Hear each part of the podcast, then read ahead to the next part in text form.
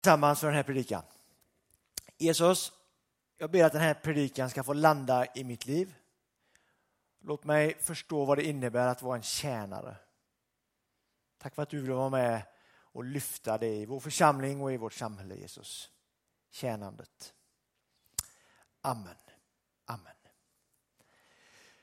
Eh, vingårdsarbetarens lön. Det är ju så fascinerande hur man sitter och tänker att det här är så långt ifrån vad många tänker om arbete. För visst är det så att vi tänker så, alltså det, och det är inte konstigt för det är ju så i vårt samhälle hur vi tänker.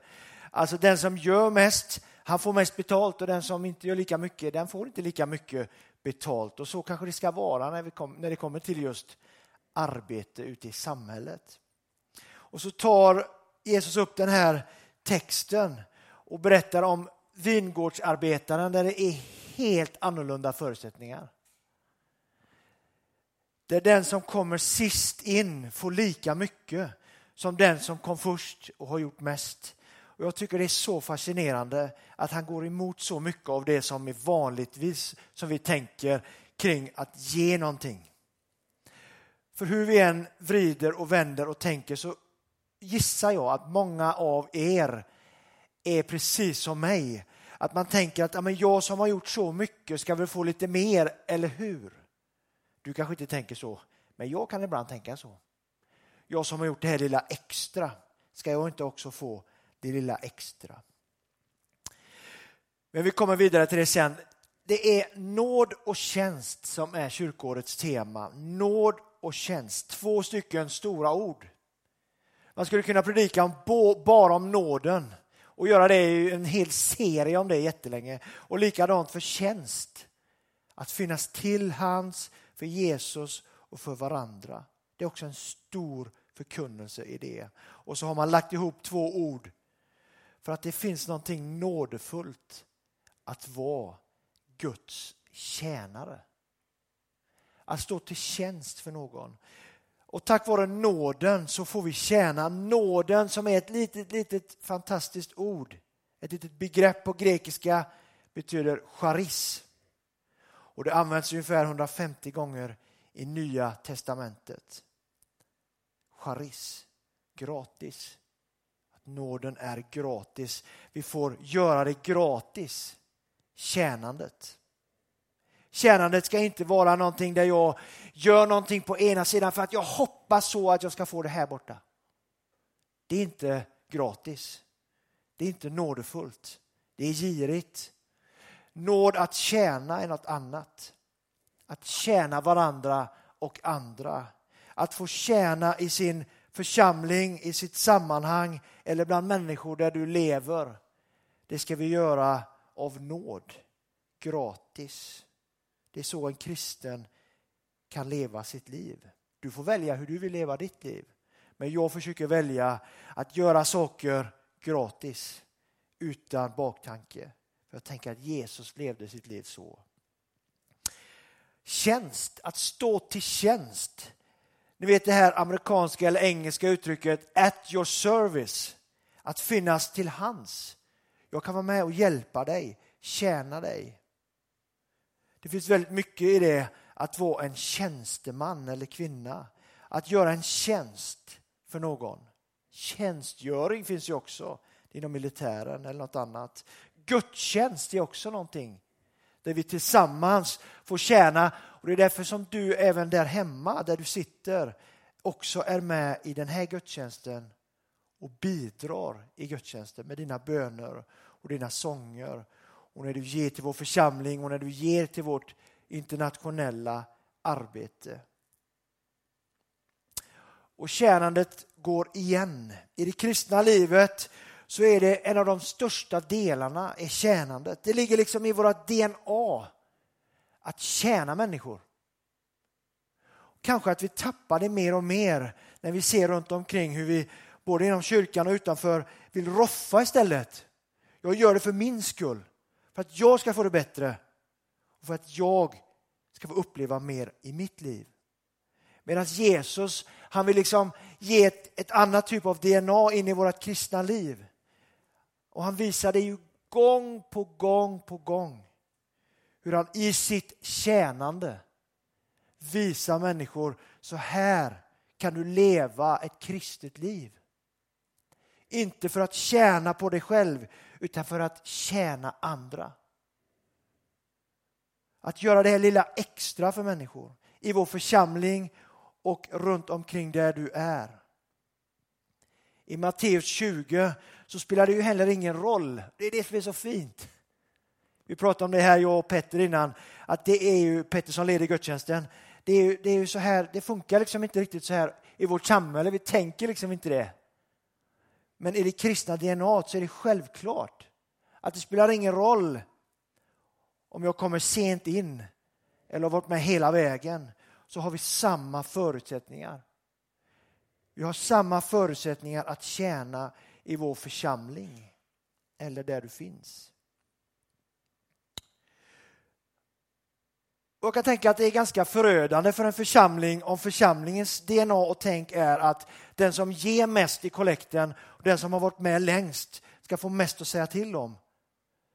Så funkar ju inte vår demokrati och så funkar ju inte heller en församlingens arbete. För det gör ju att den som är ny i församlingen och kommer och vill vara med och bidra. Om den människan, jag säger inte att det är så i vår församling nu. Så inte någon sitter och tänker så, är det så i vår församling? Det tror jag inte. Jag hoppas inte det, men det kan ju bli så. Att den som kommer in sist in i en församling känner att jag behöver nog sitta och titta först innan jag får vara med och bidra. Och ibland när man sitter med medlemmar så tänker man att jag vill vara med och se hur det funkar först innan jag engagerar mig. Och jag tänker tvärtom. Att du som blir ny i vår församling, du har ju hur mycket som helst att bidra med in i vårt sammanhang. Och så fort vi får en ny medlem i vår församling då är inte vår församling som den har varit innan du kom med i vår församling. Då blir det en ny typ av gemenskap för att du är med. Samma om någon lämnar vår gemenskap för andra sammanhang eller går bort så blir ju gemenskapen annorlunda för att den människan inte finns kvar. Så vi har alla en stor del att tjäna i vår församling. Att gå in i en församling med en tjänares gestalt och tänka, vad kan jag bidra med? Vad kan vara min del att hjälpa till i den här församlingen? Du har ett uppdrag och det är av nåd. Du gör det gratis. Att få vara med och tjäna. Och det spelar ingen roll om du är sist in eller först in. Vi har lika stor del i tjänandet. För vi har Jesus som vårat liksom, rättesnöre. Eller jag har det. Jag vill se på hur Jesus lever och när han går med sina lärjungar så går han ju annorlunda vägar liksom. Han tjänar ju annorlunda än vad jag hade gjort och tänkt. Går han verkligen till dem? Är han verkligen hos den? Går han hem till Sackaios i Lukas 19 och äter middag med honom? Alla hatade honom.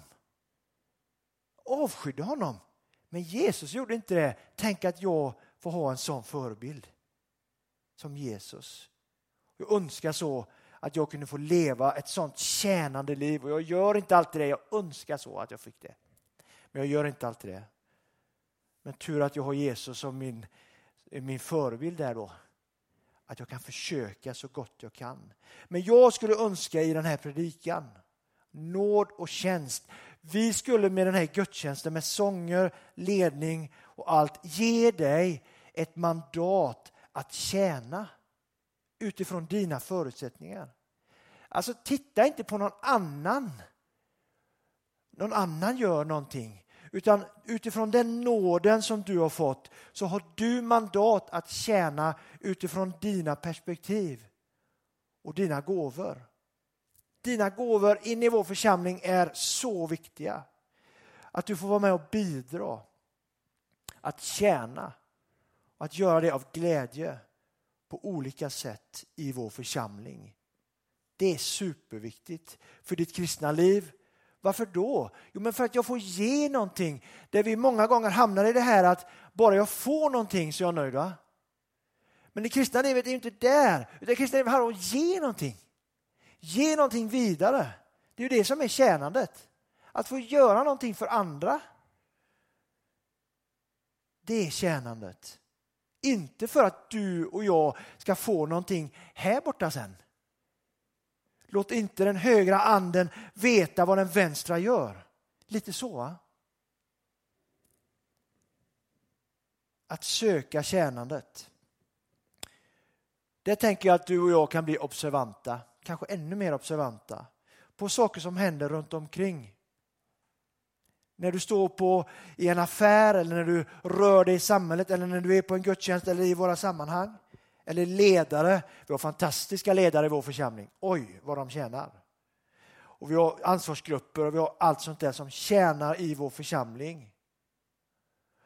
Och tänk att ha det här med sig. Att vara observant på vad som händer runt omkring mig.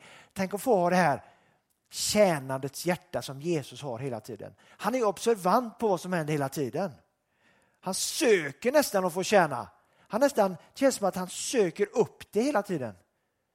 Medan du och jag kanske ibland flyr undan och tänker det får någon annan ta. Barn och ungdomsarbetet det får någon annan ta. Bara inte jag. Och så, tänk, så, så står barn och ungdomsarbetet där och känner vi behöver ha människor som hjälper till nu. Kanske in i ett tjänande. Av glädje givetvis. Men så står någon och tänker, ja men det får någon annan ta. Tänk om du och jag skulle få kunna ha ett tjänande hjärta i där. Att få gå in och vara ledare i vår församling. Kunna bidra på det sättet. Eller i ansvarsgrupper. Eller i någonting annat. Eller vad man nu än gör. En nåd, en glädje i att få tjäna vår församling. Eller ditt sammanhang där du finns. Tänk om du när det snöar ute, toksnöar. Och så vaknar du på morgonen och tänker nu är det snöskottning som gäller. Tänk om du har en eller två eller fem minuter över eller så har du inte det men ändå så tar du skyffen och så går du över till grannen som du vet har ganska tufft just nu. Det kan vara vad som helst. Och du ser att den här, min granne kommer inte komma ut med bilen och, och, och den personen kommer ha ett problem med att få undan allt snö. Tänk om du och jag bara tar vårt tjänande och tar vår skyffel och tänker ja, men två minuter sent till jobbet, jag är redan två minuter i alla fall. Och så skyfflar vi undan. Så när grannen kommer ut så märker grannen att vad har hänt här? Då har du varit där och tjänat. Att ha det här öppna sinnet för tjänandet. Att skynda till tjänst. Att finnas där för människor, inte bara i vår församling utan även där du befinner dig. Och som avslutning på predikan så är det ju det här, eller det här sammanhanget när Jesus tvättar fötterna. Och du som inte känner till berättelsen, Jesus han, han vill tvätta, han säger till sina lärjungar, sätt er nu här så ska jag tvätta era fötter. Och då tänker du och jag att ja, men det är väl inte så konstigt, han, liksom, de har ju skor och, så, och sockar och så. Klart vi inte tänker, för det hade de ju inte. De hade ju gått liksom i sandaler, det var smutsigt, Förmodligen var det liksom inte så fräscht. va? Och så säger Jesus, jag ska tvätta era fötter. Och varför är det så fascinerande? Jo, för att det är en tjänares uppdrag. Om man tittar på den här listan som man hade hemma, det hade man ju inte, men ni förstår vad jag menar va? Det är liksom eh, den som var liksom eh, chef över huset va? Och så, och så tjänaren, det var lägsta av alla uppgifter, det var att tvätta allas skitna fötter. Och där vill jag vara. Jag önskar så att jag kunde få vara där mer i mitt kristna liv. Att få tjäna som Jesus. Att få tvätta människors fötter. Det är ju min dröm att få leva så. Jag gör inte alltid det. Absolut inte. Jag flyr många gånger. Men jag önskar att jag kunde göra det ännu mer. Kanske att du vill göra det också. Var med mig i det om du vill. Nu ber vi tillsammans. Jesus, tack för att vi får ha församling att gå till, att vi får ha sammanhang att tjäna i. Att vi får ha ungdomsarbete, ungdomar, barn som vill lära känna mer av dig och vill umgås, få en trygg miljö. Att vi får ha ledare där som gör detta. Tack för det Jesus. Tack för andra sammanhang där människor är med och tjänar. Vi bygger och målar och spikar och rensar. Vi dukar och vi fixar och vi sitter i olika sammanhang och tjänar. Tack för det Jesus. Men vi behöver ha fler som tjänar av glädje. Vi behöver ha människor som ser att bara för att jag är sent in i vår församling så har jag ändå ett ansvar, ett uppdrag att tjäna. Ge dem mandatet. Vi som församling vill ge dig det mandatet att få vara med och tjäna. Att göra det av nåd. För att vi älskar vår församling och för att vi älskar dig Jesus. Amen.